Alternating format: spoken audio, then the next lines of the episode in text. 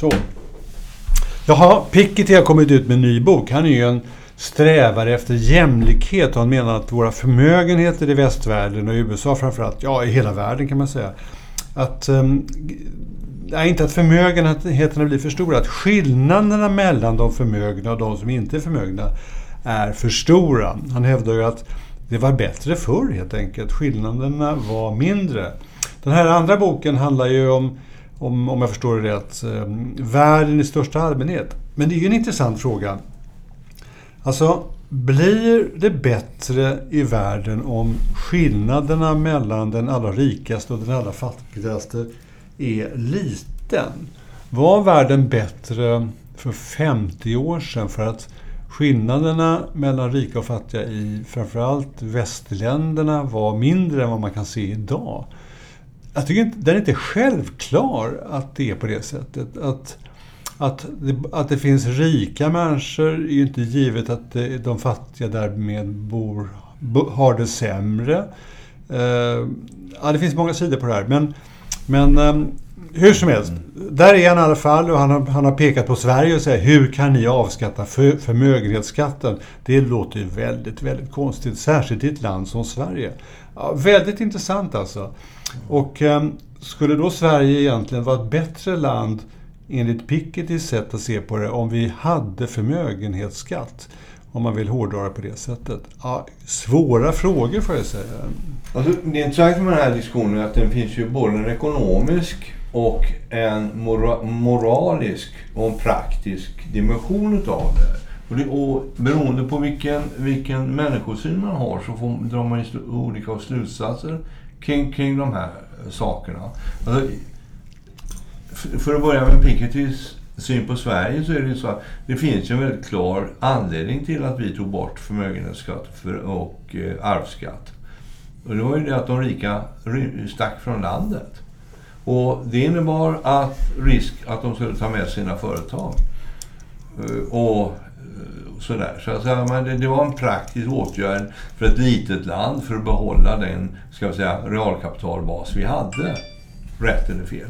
Eh, så, sen kan man säga om man upplevt Sverige på, på 80-talet och 70-talet och 60-talet så fanns det dimensioner av Sverige som var bättre då. Men om det var bättre då därför att det var mindre ojämlikt, det är jag inte säker på. Därför att en sak som var bättre då, det var ju till exempel skolan. Och den kunde ju ha varit bättre idag också. Om vi hade brytt oss om den. Ja, som jämlikhetsfråga får man säga att det kanske är den viktigaste jämlikhetssträvandet ett samhälle kan ägna sig åt. Se till att det är en skola som verkligen är nio goda år för alla ungar. Ja, det har vi ju konstaterat förut när vi pratat om skolan. Att det här glastaket som byggs in eh, ovanför de underprivilegierade, eh, som en dålig skola innebär. Den är ju egentligen gravt omoralisk. Och Klassresan är inte bara ett individuellt projekt utan det är också ett samhällsprojekt som ska, understödjas. Och det är en annan podd. Men, men det är... Men det är ändå intressant det här att vi... Alltså, jag gissar att ingen skulle gilla det land som var... Som, eller det förhållande som rådde i Sverige när, för 120 år sedan när det var väldigt stora skillnader mellan rika och fattiga.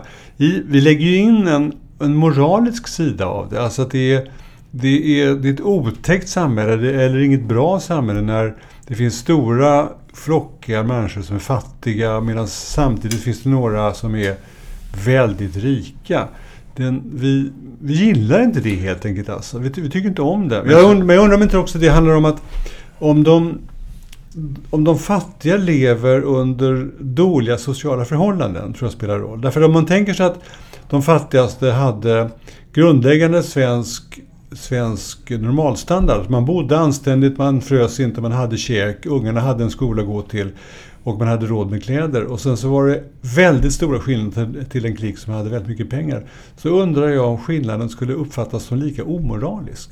Förstår du vad jag menar? Alltså det här att mm. underklassen lever, um, liksom lever dåligt, det spelar viss roll. Det finns ju en relativistisk eh, del i det här. Alltså det är ju klart, alltså din fattigdom delas ju bättre om den delas av alla.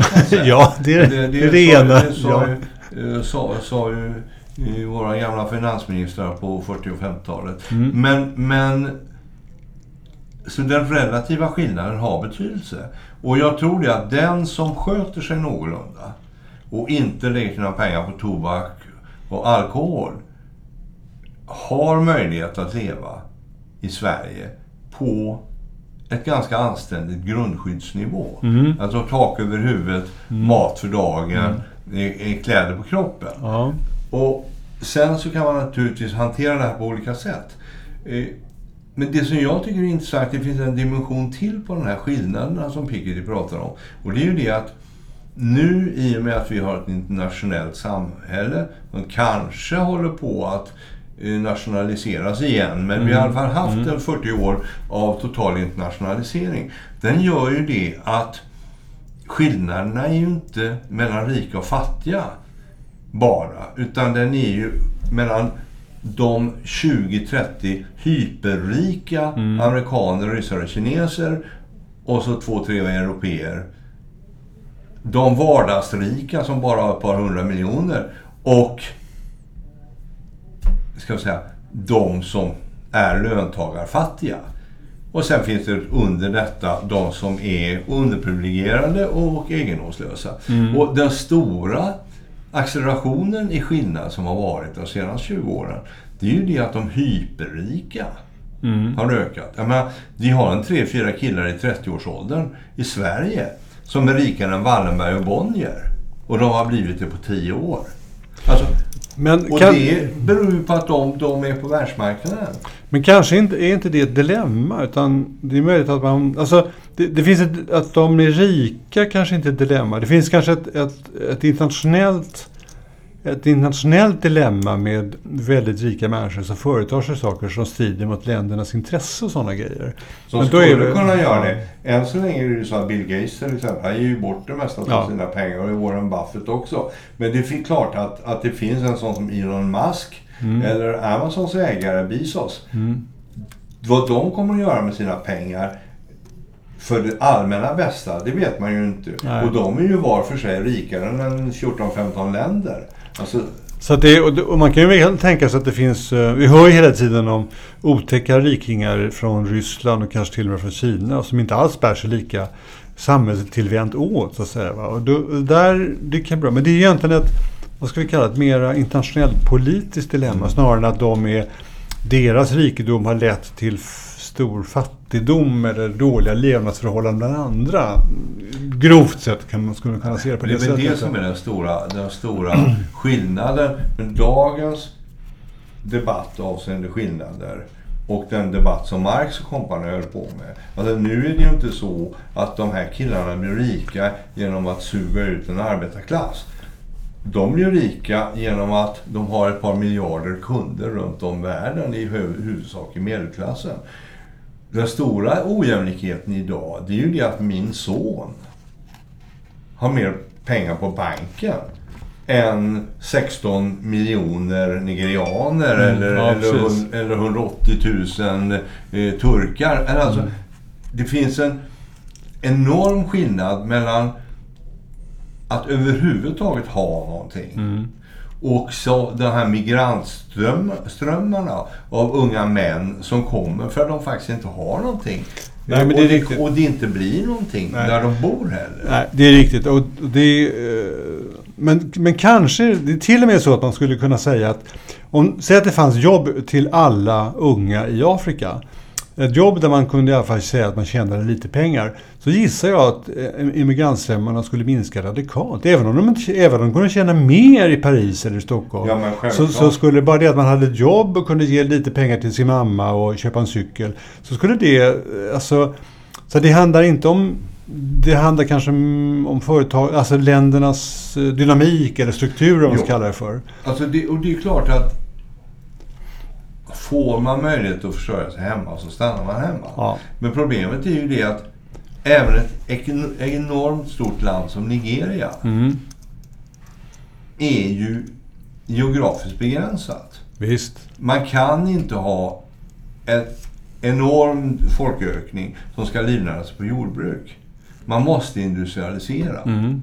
Visst. Och om det inte industrialiseras. Utan den enda Ja, industri som kommer är oljeindustri och annan exploaterande industri. Ja, det Då blir ju kommer man ju ingen Ja. Utan man måste ju ha de här textilfabrikerna som finns i Bangladesh Mm. och så vidare. Och så vidare. Nu börjar de komma i Afrika också. Men, men jag tror att det stora problemet i världen är ju inte ojämlikheten. Utan det är bristen på hopp. Där behöver man bara gå till Sverige. Vad har Moderaterna och. Socialdemokraterna för framtidsvisioner? Alltså för positiva visioner. Mer än att kakan nu är färdigbakad och så måste vi börja spara och se till att vi inte förstör kakan och, och sluta käka kött och sånt. Alltså, antalet positiva framtidsbilder som skapas runt om på jordklotet är väldigt begränsat. Det är den kinesiska staten då som har en vision om att ta över världen. Men så många andra visioner ser man ju inte i politiken. Men nu lämnar du själva inkomstfördelningsfrågan eller förmögenhetsfördelningsfrågan och så går du över till andra, i och för sig viktiga, komplicerade frågor. Men Ja. jag skulle ändå vilja uppehålla lite grann med det här. Alltså, jag tror att det är så här. Någonstans är det ändå så att, att vi inbillar oss att det finns ett sorts då menar jag jämvikts, jämviktsläge. Då menar jag inte att det är totalt lika för alla. Utan det finns ett läge någonstans där, där skillnaden mellan rik och fattig är lagom stor. Förstår du vad jag menar? Att det finns liksom någonstans så är det här, det här är acceptabelt. Det är, det är drivkrafter för den försigkomna att liksom vilja, vilja mer och tjäna mer.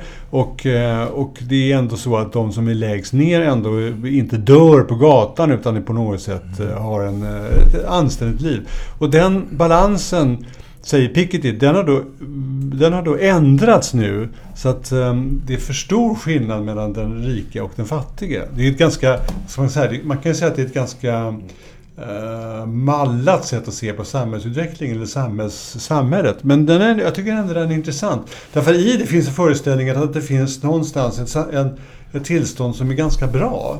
Och nu har vi lämnat det på något sätt. Ja, jo, det, det var väl där jag eh, gled undan då eftersom jag började fundera på bristen på visioner. Mm. Men- jag tror, jag tror faktiskt att det stora problemet i, i Pikettys resonemang är ju det att i samma ögonblick som du får någon form av jämvikt i ett system så fokuseras ju jämviktsbristen på ett annat system. Och, och, och, alltså, om vi nu har, säg medborgarlön, som gör att alla har det ganska bra. Alla har en anständig lägre medelklassstandard. Oavsett om de jobbar eller inte. Du menar rent teoretiskt om vi införde det? Eller? Ja, ja. ja. Mm. ja. För då har vi ju tagit hand om hygienfaktorn i det här. Alla har det bra. Punkt. Mm. Sen så kanske några super bort pengarna ändå, men det, det är ett annat Mm. problem. Va? Ovanpå det så har du en löntagargrupp som naturligtvis får lite bättre eftersom de jobbar. Så får de sin lön ovanpå medborgarlönen. Mm. Då uppstår en hanterbar ojämlikhet. Alltså, Mm. De första bor i hyresrätter, de andra bor i, i radhus och de tredje bor i villor. Ja, Mm. inte stötande. Lite jobbigt, men... Ja, och så finns det några som bor, som äger, Mm. som bor i stora villor i, i Saltsjöbaden Mm. och i Djursholm, I parker. i parker. Och det står vi också ut med, för det ligger inom, ska vi säga, 70-tals ojämlikheten. Mm. Om det sen ovanpå det här, ska vi säga, Wallenbergkotteriet i Saltsjöbaden I park.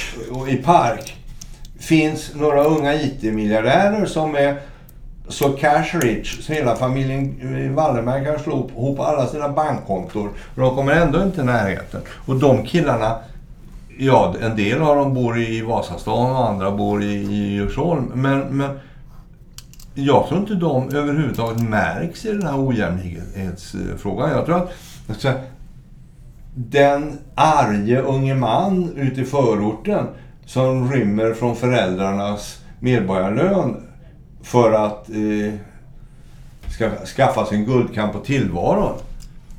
Jag tror inte han blir mindre förbaskad om vi tar bort de översta två skikten. Utan han, för att göra honom nöjd så måste vi ge honom en framtidsmöjlighet. Att arbeta sig upp genom de här glastaken. Alltså, så länge han ser att det finns ett hopp för mig att hamna så, så, är detta, eh, så är detta inte ett problem. I samma ögonblick som vi stänger ut honom så blir det ett problem. Och om alltihop det här blir jättejämlikt, ja då blir det andra ojämlikheter. Det blir kulturellt kapital, det blir sexuellt kapital, det blir utseendekapital och så vidare som är det ojämlika. Så att hur man än vänder sig så kommer man inte ifrån det här. Jag menar, även i, i de länder som har övat sig i att försöka göra total jämlikhet så kan faktiskt chefen flyga in en amerikansk basketbollspelare och, och leka med honom i sitt slott några dagar innan han skickar hem honom igen. Alltså, det är någonting i Pikettys resonemang som jag inte kommer åt. Va? För han är nationalekonom. Så på honom ligger det att visa för mig på vilket sätt världen skulle bli bättre. Om jo, men... vi hade 80-tals eh, situation. Fast du, nu undviker du den moraliska frågan. Ja, ja. Nu, nu, nu teoretiserar jag. Ja. Den moraliska komponenten av det hela, den, den är ju svår. Därför då hamnar vi tillbaka på, på mänskliga fri och rättigheter. Och eftersom i mitt paket av mänskliga fri och rättigheter så ingår äganderätten på samma sätt som ni gör i FNs deklaration om mänskliga rättigheter. Och så länge du har äganderätt så är ojämlikhet oundviklig. Alltså, jag kan inte förstå hur... Därför det finns alltid folk som spar. Det finns alltid folk med, med, med ambition. Det finns alltid... Alltså, även om vi har 100% arvsskatt så är det väl någon, en gen som gör att han har affärsnäsa som gör att han kan, kan utvecklas och, och, och bli rik. Va? Alltså det, det... Men den moraliska frågan, vi tar tillbaka till Men jag, alltså jag löste den första delen av det genom att se till att alla hade medborgarlön. Ja. Och det innebär att ingen får illa. Nej, men det finns, det jag vill hävda det är att det finns, det finns en moralisk fråga i detta. Visst är det bättre med ett samhälle där skillnaden mellan väldigt hög och väldigt låg inkomst eller, eller förmögenhet, att den inte blir för stor. Ja, det, det, det finns ett äkta sånt. Och, det, och den, det, ska man säga, anledningen till att man kan tycka det, den är, är egentligen i grunden nästan helt och hållet moralisk. Den är delvis teknisk ekonomisk, men i första hand är den moralisk. Ja. Därför vi gillar inte att det ska vara stor skillnad mellan, mellan fattig och rik. Och, och jag, jag, min instinkt är att tycka precis som du. Och jag har tyckt så, men jag tycker lite mindre så. För jag var i en, en debatt i, på nätet med, med en företrädare för ett, ett vänsterparti eh, om detta med huruvida det var bra eller dåligt att det fanns en massa unga rika svenskar. Och jag kan inte se att det är ett problem för Sverige att vi har extremt oproportionerligt många framgångsrika unga män som har blivit miljardärer. Alltså, jag kan inte förstå på vilket sätt den moraliska halten i Sverige skulle öka om Sennström och Siemiatkowski och gänget bodde i Kalifornien istället. Eller i, eller i Sydfrankrike. Och, och då tänker jag, men är det inte lite omoraliskt att de har blivit så jätterika? Ja, men de har blivit så jätterika för att de till exempel har hela världen som marknad. Eller att de har inga kostnader, de har bara bara intäkter nästan. De, de, de förslavar inga arbetare. De jobbar med algoritmer på nätet och så vidare. Ja, men det är omoraliskt att de inte sysselsätter något folk då, skulle man kunna säga.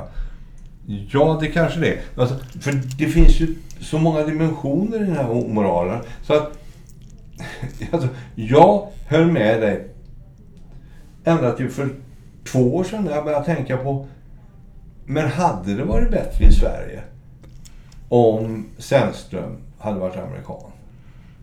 Nej, jag tror inte det. Alltså, precis på samma sätt som jag inte tror att det vore bättre för Sverige om Wallenberg vore amerikan. Jag tror till och med det vore sämre för Sverige.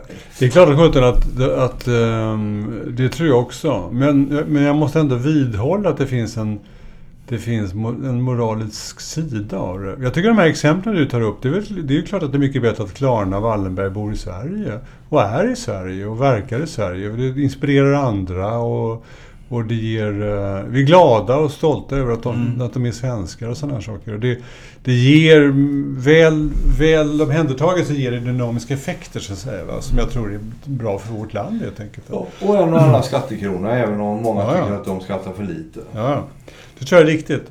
Eh, men, men på något sätt känner jag mig som att de inte, att inte krossar den här uh, känslan av jämlikhet. Inte för att de har för mycket pengar, utan snarare att behovet av ett, att hålla ihop samhället på något sätt i, ja. i hög och låg när det gäller pengar, att den, är, den har ett egenvärde på något sätt. Va? Nu finns ju de som försöker lösa det här moraliska dilemmat.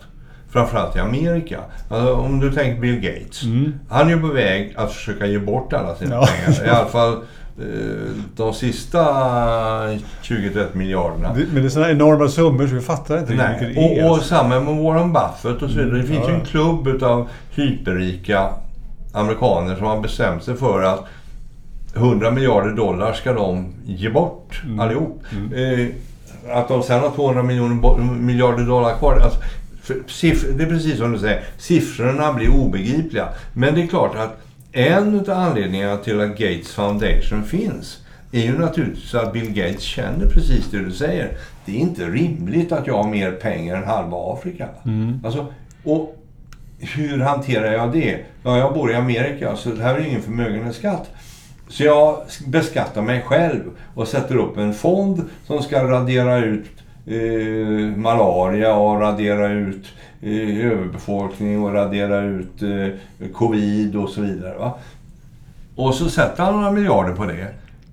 Och, då pratar vi inte några miljarder kronor, utan vi, han, vi pratar några miljarder dollar. Alltså, det är 100 miljarder kronor. Och det är ju vällovligt.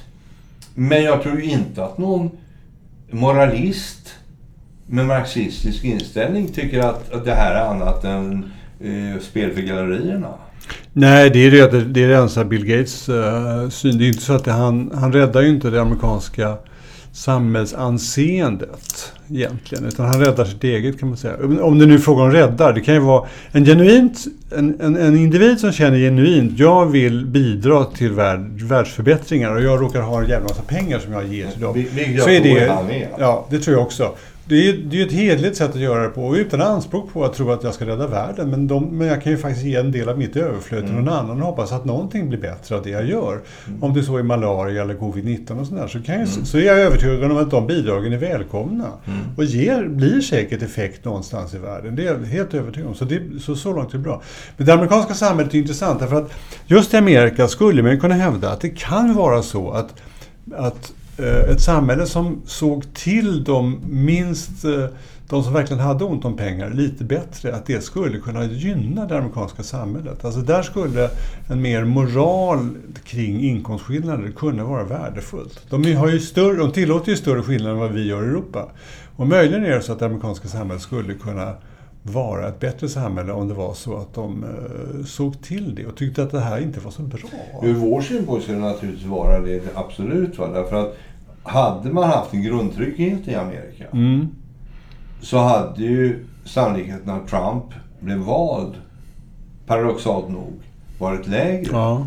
Nu tror ju alla att när obalanserna gör att folk borde rösta demokratiskt. Mm.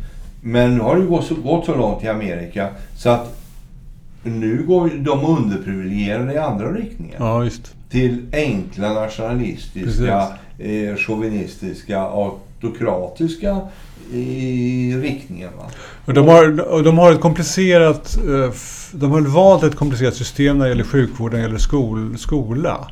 Som gör att det där blir lite krångligt. Ja, och det beror ju inte på the Bill Gates of this world. Utan det beror ju på den vanliga övre medelklassen. Ja, som inte vill bli överbeskattad. Ja, och, och, så, så, att där är det ju liksom mittgruppen som mm. är som till stor del röstar demokratiskt dessutom, mm. som är, som är bromskloss. Därför att man har ju lyckats införa förbjudna zoner i det amerikanska tänkandet. Alltså, lika sjukvård för alla lika med socialism och kommunism. Mm. Det, gör, det, det går liksom inte att diskutera vissa frågor. För de har liksom skolat sig själva till att, att göra korstecken med fingrarna när de hör vissa, vissa ord. Va? Och då, då blir ju den här frågan om jämlikhet eller inte, den blir svårare därför att man skulle kunna säga så här. Ja, men fördelade man om inkomsten i Amerika så att man hade ett, ett, eh, ett skolsystem som i alla fall upp till nionde klass var lika för alla. Och hade man ett sjukvårdssystem som, som var i grunden lika för alla, då skulle, då, då skulle man nog tvingas beskatta de, de som hade mer pengar och föra in i de här, alltså, så, sådär välfärdssystemen, skola och, sjukvård helt enkelt. Och det skulle gynna de, de, de eh, mindre bemedlade. Det skulle man kunna hävda. Där skulle man då kunna säga att det är en, en um, ojämlikhet där de rika eller de som har mer pengar borde ge ifrån sig lite mer till de mindre. Men då är det egentligen inte, det är kanske inte en penningfråga utan det är egentligen som du säger, det är egentligen en, en, en vad ska man kalla det för, en politisk fråga. Vi, Mm. vi vill inte ha det på det sättet. Och då Men- handlar det inte om pengar egentligen, Ja, utan och det det- handlar om systemet. Vi vill inte ha den typen av system i vårt land. Ja, och det är det som gör det så svårt att analysera USA från Sverige. Va? Därför att när våra journalister åker dit, vilket de gärna gör, och pratar om det här landet och det här systemet, då missar de den komponenten. Alltså, den amerikanska vision som all, alla amerikaner har. The American Dream. Vår totala frihet att vi kan göra grejer. Mm. Och så fort man reglerar in och fixar de här sakerna som vi tycker är självklara att man har, så minskar de här friheterna.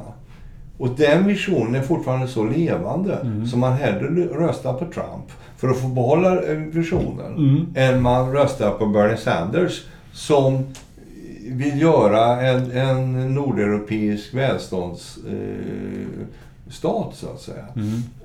Ja, men det är krångligt därför att, därför att um, man kan ju mycket väl tänka sig ett land som USA som behåller sina då, som vi tycker då, lite, lite snea sjukvårdssystem, sina sne, lite sneda skolsystem. Men ändå uh, har mindre skillnader mellan de, uh, de riktigt rika och de fattigaste. Det skulle man kunna tänka sig, men, alltså, men behöll systemet.